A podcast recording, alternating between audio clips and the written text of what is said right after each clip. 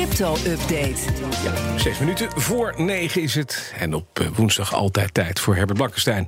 Presentator van BNR's Cryptocast, onze podcast over bitcoin en andere digitale coins. Herbert, goedemorgen.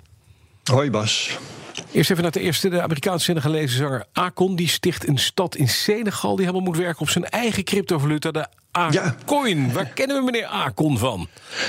Nou, hij heeft rond 2006 een paar succesvolle albums gemaakt. Uh, hij had een hit, de grootste hit was Smack That. Een samenwerking was dat met Eminem. En daar kreeg hij zelfs een Grammy-nominatie voor. Plaat. Een goede plaat, zegt eh, Thomas. Die kent hem. Ja, hij heeft ook eh, samengewerkt met Ali B trouwens. Uh, in een versie van het nummer Ghetto. Die heeft in Nederland op één gestaan. Misschien is het ook wel een goede plaat geweest, ik ken het niet. Hij heeft uh, 35 miljoen albums verkocht. En de ja. laatste tijd is hij vooral zakenman. Ja, en hij klinkt zo. Look back and watch me smack that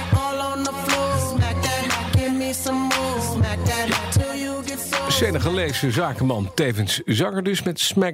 Nou, de Smack That die hij nu doet uh, is uh, een eigen staat met eigen coin. Hoe belangrijk is die coin? Die heet ik A-coin of E-coin? Uh, ik zeg maar e-coin, het is ja. meestal toch uh, Engels wat je moet spreken. Nou ja, die niet zo belangrijk nog, die is in 2018 aangekondigd. Bestaat, voor zover ik kan nagaan, nog altijd niet. Mm -hmm. Tenminste, hij heeft geen koers en is niet te verhandelen op exchanges. Uh, je kunt je voorstellen dat ze zo'n introductie uitstellen tot er een beter cryptoklimaat is. Dat doen ze met beursintroducties ook wel. Maar een grote rode vlag is wel, vind ik, dat de mensen die bij het project betrokken zijn, dan meteen 10% van de coins aan zichzelf geven. Oh, dat is mooi. Dus als de coin dan succes heeft, zijn zij met meteen schat hemeltje rijk. Dan weet je dat maar. Uh, en de stad van de meneer Akon of Econ, uh, die komt er? Weet ik niet. Het plan lijkt er echt te zijn. En uh, de eerste berichten daarover dateren van 2018. Media als CNN, Bloomberg en Business Insider hebben erover geschreven. Begin dit jaar twitterde Econ nog iets over een overeenkomst die zou zijn getekend. Maar wie nou een overeenkomst had met wie, dat zei hij er niet bij. Laat staan wat het inhield. Maar een, een paar dingen zijn wel consistent in de berichten. Er is bijvoorbeeld een stuk grond van 8 vierkante kilometer. Er is een naam, raad dus Econ City. Natuurlijk. Maar ik kan, ja, ik kan de precieze locatie nergens vinden. Niet bij de vele nieuwsberichten die ik heb gevonden. Ook niet op de site van Ecoin. Ook niet op de site van KI International. Dat is het bedrijf dat nu wordt gepresenteerd als aannemer. Ja, toch. Dat zou mooi zijn. Concrete plannen, money in the bank en de eerste schop in de grond, hè? Ja. Maar helaas, dat is er uh, niet op dit nieuws. moment. Nou ja, nee, uh, uh, ze zeggen dat uh, de bouw nu kan gaan beginnen. Er zou op dit moment 4 miljard zijn aan investeringsgeld van de zes die ze nodig hebben. Maar ze noemen alleen één Keniaanse Amerikaanse zakenman als investeerder, Julius Mwale. En die kan dat volgens mij niet in zijn eentje opbrengen. Dus ik heb het vermoeden dat dit vooral weer een publiciteitsstunt is om meer investeerders te vinden. Oké, wat moet je me voorstellen bij een stad die helemaal draait op één cryptomunt?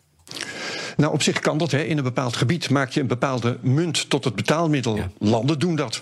Maar Econ die zegt dat hij op het idee is gekomen toen hij een keer moeite had dollars te wisselen voor de munt van Senegal. Ja, als dat het probleem is, dan moet je nodig een nieuwe jurisdictie creëren met weer een ja. andere munt die je moet gaan kopen. Hè, dat lost natuurlijk niks op. En waarom neem je dan niet een bestaande cryptovaluta? Ik dacht bitcoin misschien. Um, en we horen ook weer het mantra dat crypto mensen gaat helpen die geen toegang hebben tot het bankensysteem. Die heb je in Afrika natuurlijk een hoop. Maar daar hoef je volgens mij geen futuristische stad voor neer te zetten. Nee, nee. Dus uh, het is een project dat nodig gevolgd moet worden, maar wel met gepaste achterdocht. De Cryptocast deze week. Wat ga je doen?